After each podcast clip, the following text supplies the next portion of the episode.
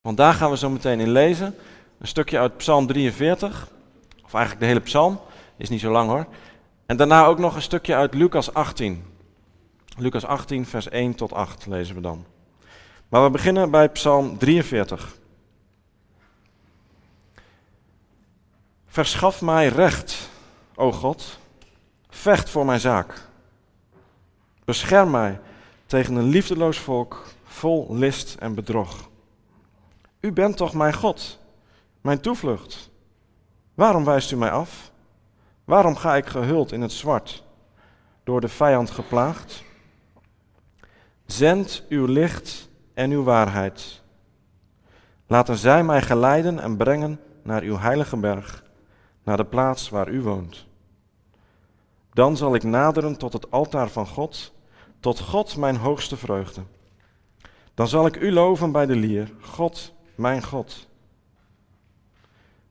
Wat ben je bedroefd, mijn ziel, en onrustig in mij. Vestig je hoop op God. Eens zal ik Hem weer loven, mijn God die mij ziet en redt. En dan Lucas 18. Jezus vertelde hun een gelijkenis over de noodzaak om altijd te bidden en niet op te geven. Er was eens een rechter in een stad die voor God geen ontzag had en zich van de mensen niets aantrok. Er woonde ook een weduwe in die stad, die steeds weer naar hem toe ging met het verzoek: Doe mij recht in het geschil met mijn tegenstander. Maar lange tijd wilde hij dat niet doen. Ten slotte zei hij bij zichzelf: Ook al heb ik voor God geen ontzag en trek ik me van mensen niets aan, toch zal ik die weduwe recht verschaffen, omdat ze me last bezorgt. Anders blijft ze eindeloos bij me komen en vliegt ze me nog aan. Toen zei de Heer: Luister naar wat deze rechter zegt, al minacht hij ook het recht. Zal God dan niet zeker recht verschaffen aan zijn uitverkorenen die dag en nacht tot hem roepen? Hij hoort hen immers geduldig aan. Ik zeg jullie dat hij hun spoedig recht zal verschaffen. Maar als de mensenzoon komt, zal hij dan geloof vinden op aarde? Tot zover. Heb je wel eens hulp nodig gehad van de overheid? Saskia, mijn vrouw, die had kort voor de kerstdagen uh, de ziekte COVID opgelopen. Is daar even flink ziek van geweest, maar gelukkig ook weer uh, redelijk op tijd van hersteld. Dus die ging halverwege januari toen ze dacht, ik wil wel weer uh, zo'n herstelbewijs, dan kan ik weer overal naartoe met mijn QR-code. Ging ze dat dus proberen op te zoeken en die bleek er niet te zijn. Er kon geen positieve test gevonden worden. Dus bellen met de GGD. Wat is hier aan de hand? Ja, mevrouw, we hebben wel degelijk een positieve test van u. Uh, maar op de een of andere manier komt dat niet door. U bent een van de, nou wat was het, uh, 2000 mensen die die pech hadden. Dat, ja, dan konden ze, ze zouden hun best doen. Nou, het duurde maar en het duurde maar. Twee weken later heeft ze nog eens gebeld. Bleek dat er niks gedaan was na dat eerste telefoontje. En tweeënhalve week geleden, nog ietsje meer, toen wilden Saskia en ik een paar dagen op uh, vakantie, een paar dagen op reis naar Oostenrijk. Ja, dan heb je, heb je wel echt een, uh, een bewijs nodig dat je hersteld bent. Maar het was er nog steeds niet. Dus bellen, bellen, bellen met de GGD en uiteindelijk, twee dagen voor vertrek, kregen we dat herstelbewijs. Maar het had niet veel geschild of we hadden een streep moeten zetten door dat voorgenomen reisje. Nou, wij hadden in het ergste geval een streep moeten zetten door onze vakantie. Midweekje, dat is nog te overzien. Maar de 26.000 gedupeerden van de toeslagenaffaire, die moesten een streep zetten door de onbezorgde jeugd van hun kind. Of door hun gezondheid. Of door hun relatie. Omdat het systeem hen niet zo goed gezet was. Heel wat heftiger. Juist de overheid, want deze mensen zijn met name veel alleenstaande moeders, vaak ook nog van een ja, half allochtone achtergrond. Mensen die bij uitstek een beetje hulp wel kunnen gebruiken. En juist bij de overheid kregen ze het niet. Hoe ga je daarmee om? Juist de persoon die jou zou moeten helpen, die laat jou in de kou zitten. Ik heb er deze week een documentaire over zitten kijken, alleen tegen de staat. En daarin komen zes moeders uit deze groep van gedupeerden naar voren. En die vertellen gewoon in monologen hun verhaal. En het is ijzingwekkend. Je wordt er stil van. Stuk voor stuk vertellen ze wat de, de financiële schulden om te beginnen, maar ook de schaamte. En alle gevolgen die erbij gekomen zijn, wat het met hen gedaan heeft. En een woord wat je op een gegeven moment heel vaak terug hoort keren is vernedering. Vernedering, vernedering, vernedering. Het is één grote vernedering voor hen geweest. Als je deze vrouwen hun verhaal ziet doen, dan zie je voor je ogen wat het betekent om terneergeslagen te zijn. Deze mensen zijn echt terneergeslagen. Droevige, gebroken mensen. Ze kijken naar beneden en er lijkt niks meer overeind te staan. Hun trots is weg. Hun kracht is weg. Hun vrolijkheid is weg. En het is precies deze menselijke ervaring waar Psalm 43 over gaat. Afgelopen vrijdag heb je in de podcast al iets kunnen horen over Psalm 42, die aan deze psalm voorafgaat en die er eigenlijk één geheel mee vormt.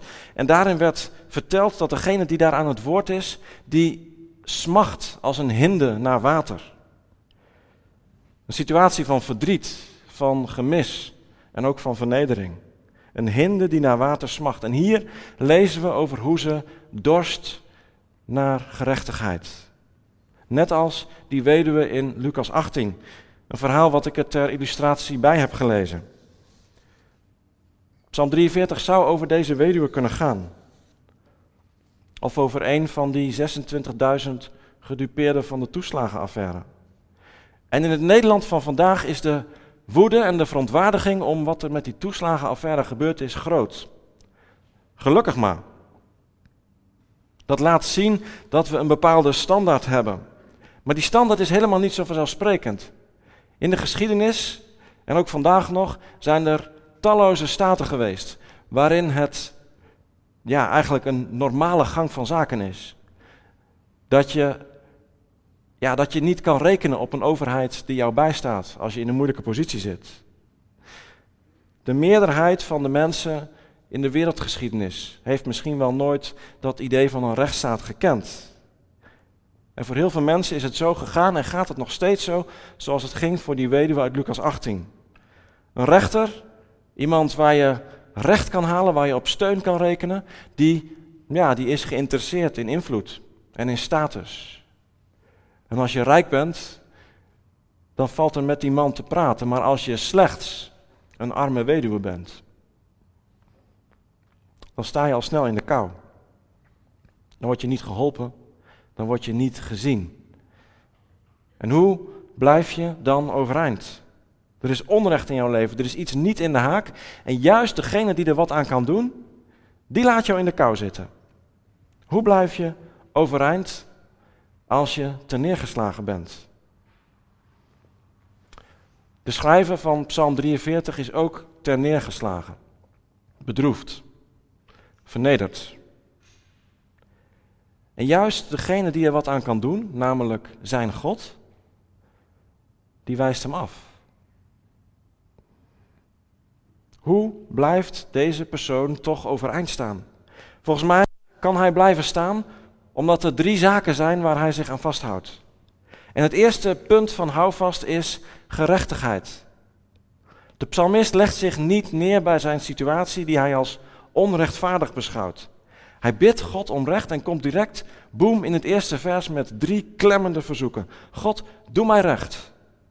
Vecht voor mijn zaak Bescherm mij tegen een liefdeloos volk. Zo knalt hij erin.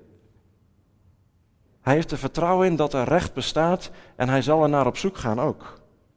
Waar hij eerder in Psalm 42 eigenlijk voornamelijk met zichzelf, een beetje mijmerend in gesprek was, is hij nu, lijkt het wel, wakker geschud en overeind gaan staan en roept hij tot God. Wanneer gaat dit veranderen? Doe mij recht, hoor je hem roepen. Of misschien is het wel een vrouw. Net als die weduwe uit Lucas 18, die ook onvermoeibaar door bleef gaan met vragen om recht. Onvermoeibaar daarmee doorgaan, dat kan je alleen als je diep van binnen de overtuiging hebt dat er ook iets bestaat zoals gerechtigheid. En die overtuiging dat er iets bestaat als gerechtigheid, die raakt al snel ondergesneeuwd in het leven in deze wereld. Die wordt eigenlijk continu bedreigd. Recht lijkt in onze wereld nogal buigbaar, rekkelijk en manipulatief. Probeer maar eens aan een van die moeders van de toeslagenaffaire uit te leggen wat recht is, wat een rechtsstaat is, waar onze overheid en onze, ons land op ingericht is. Ik denk dat ze, je, dat ze je lachend zullen aankijken. Dat ze niet zullen begrijpen wat je bedoelt. Probeer eens met een van onze Oekraïense broeders en zusters te gaan praten over wat recht is. Dat is een luxe discussie, zullen ze zeggen. Wij zijn bezig met de vraag: kunnen we het als christenen maken om, om wapenen op te nemen? Of gaan wij straks als enige niet meevechten als al onze buren de strijd moeten aangaan? Het gaat over: kunnen we ons hoofd boven water houden en zijn we over een paar weken nog in leven? Recht, wat is recht? Ja. En ook voor onszelf is het niet vanzelfsprekend om met deze vraag bezig te zijn wat recht is. Want als je zegt, God, doe mij recht, dan leg je ook jouw eigen leven in de weegschaal van het oordeel van God. En wil je dat echt? Dat jouw leven, ook met alle moeilijke kanten daaraan, door God beoordeeld wordt. Willen we dat echt? Vertrouwen in recht is niet vanzelfsprekend, maar de psalmist die verlangt ondanks alles naar gerechtigheid. Niet omdat hij zelf zonder zonde is, maar omdat hij weet dat het recht van God het enige is wat deze wereld nog hoop kan bieden. Onze wereld is zo ingewikkeld, zo chaotisch, zo verstoord door zonde en kwaad, dat er maar één is die dat recht kan zetten. En dat is God. En daarom neemt deze persoon het recht niet zelf in handen, maar hij bidt. En hij raakt ook niet vertwijfeld of dat hij ja, zich laat meenemen door relativisme en maar apathisch en maar denken van ja. Nee, hij bidt en hij blijft bidden om recht. Dat geeft houvast. En het tweede houvast wat deze persoon heeft, dat is de samenkomst van de gelovigen. Psalm 42 heeft dat al een beetje beschreven, hoe mooi het is om met mensen op te trekken naar het huis van God. Hoe dat een bron is die je geloofsleven verrijkt. Om samen te komen, samen liederen te zingen, woorden te spreken over en tot God. Daar haalt ze haar hart op. Daar herleeft ze. Daar hoort ze de woorden van de Heer, daar zingt ze met haar medegelovigen. En ook hier in Psalm 43 lezen we dat ze de weg kent naar de heilige berg van God en het altaar wat daar staat.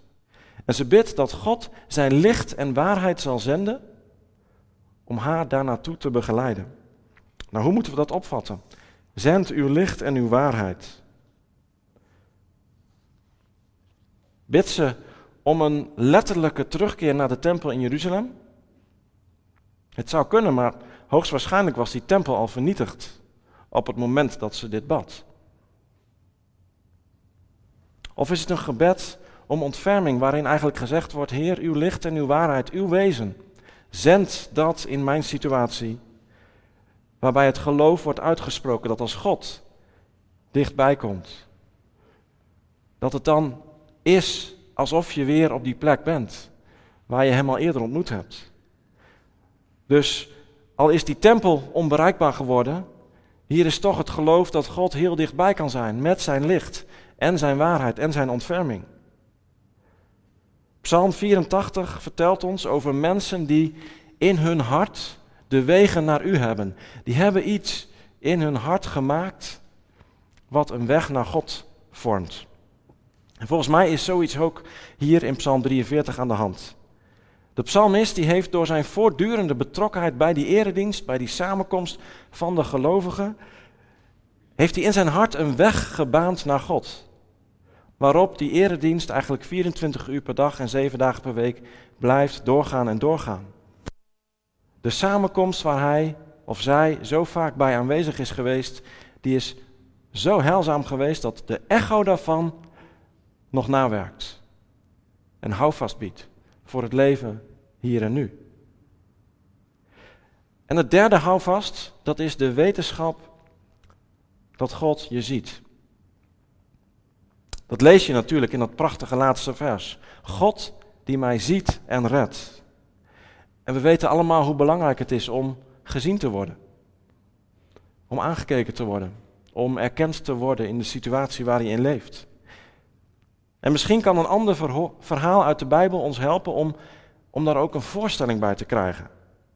In Genesis 16 is Hagar, de voormalige slavin van Sarah, die is ja, in dit geval nog Sarah, in dit verhaal nog Sarai. Dan is Hagar op de vlucht voor Sarai. Wat is er gebeurd? Sarai die heeft haar slaaf genomen, Hagar, haar slavin, heeft haar aan Abraham gegeven, want zelf kon ze geen kinderen krijgen. Ze zegt, Abraham, slaap met haar. Haar zoon zal dan het nageslacht zijn waar ik ook een beetje voor gezorgd heb. Maar zodra Hagar zwanger geworden is van Abraham, kan Sarai haar niet meer uitstaan en maakt haar het leven zuur. En dan vlucht Hagar de woestijn in.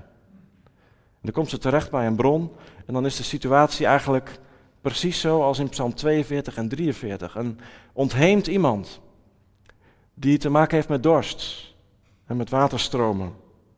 En die bidt tot God. Hagar wordt dan op die plek gevonden door een engel van de Heer. En die geeft haar een super moeilijke opdracht. Die zegt tegen Hagar, ja het is allemaal wel waar, maar je moet teruggaan. Je moet teruggaan naar Sarai. En Hagar doet het ook nog.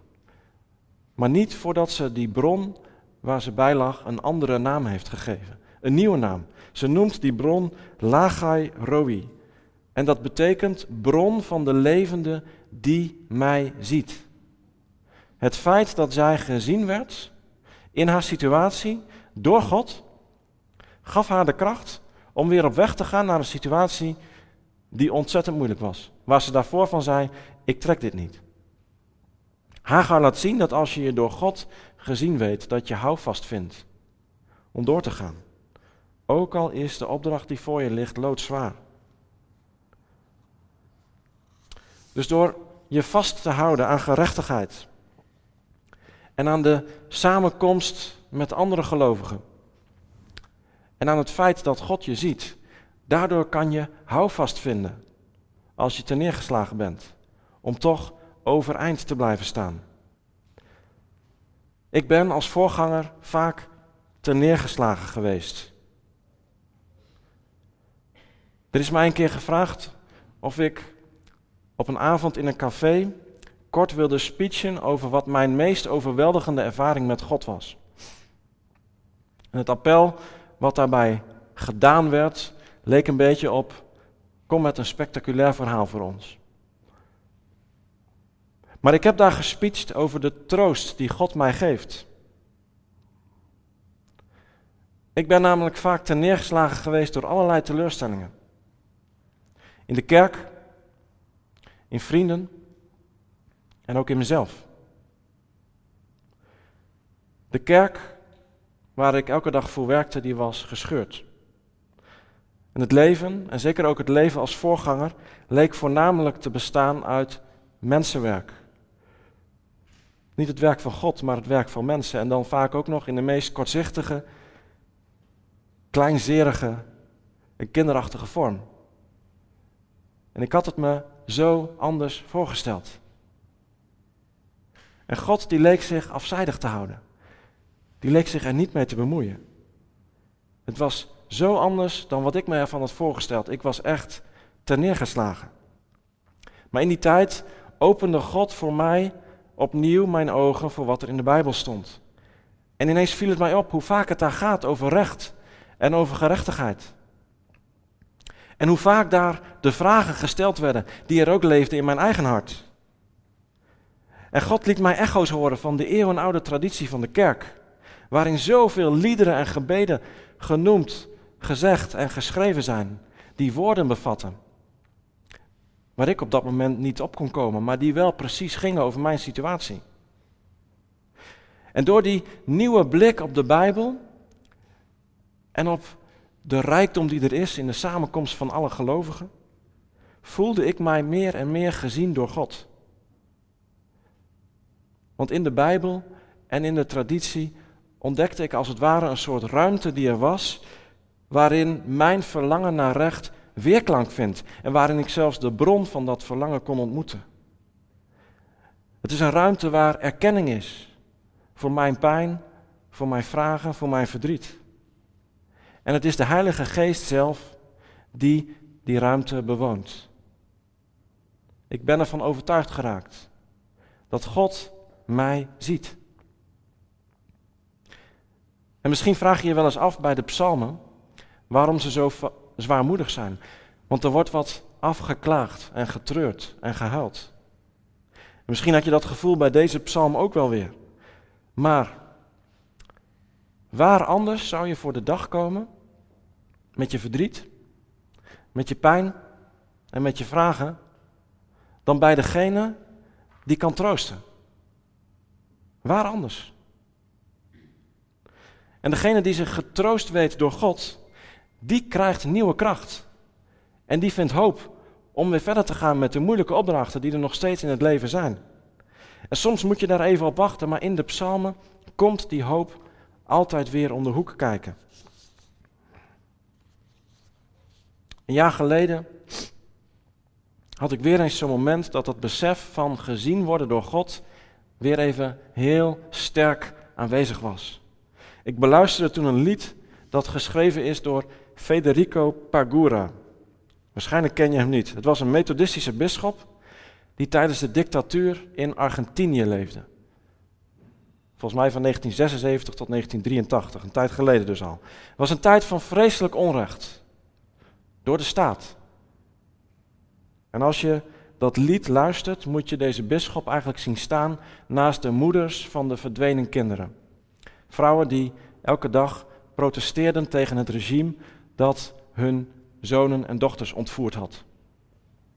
En elke dag stond die bisschop naast deze vrouwen. Of je stelt hem voor dat hij staat naast de moeders van de toeslagenaffaire. Of naast andere vrouwen die in het zwart gehuld gaan, waar Psalm 43 over spreekt. Of naast Hagar, of naast die weduwe uit Lucas 18. Want vanuit hun perspectief schreef die bisschop een lied. En je hoort daarin iets melancholisch van de Argentijnse tango, maar de tekst is bikkelhard en rotsvast. Tenemos esperanza. Wij hebben hoop, is de titel van het lied. Elke zin begint met het woord omdat. En dan volgt er een verklaring waarom zij hoop hebben. En die verklaring is simpelweg een beschrijving van één aspect van het leven van Jezus. Omdat Hij onze geschiedenis binnenkwam. Omdat Hij leven en liefde zaaide. Omdat Zijn invloed harde harten brak omdat hij ter neergeslagen zielen optilde. Omdat hij de hypocrisie hekelde. Omdat hij vrouwen en kinderen zegende. Omdat hij de trotsen weerstond. Omdat hij het kruis van ons verdriet en onze zonde droeg. Daarom, zegt het lied, daarom hebben wij hoop. Nog één zin die ik eruit wil halen. Wij hebben hoop, zegt het lied. Omdat zijn licht altijd ons verhaal is. Over je gezien weten gesproken. Jezus licht is ons verhaal. De God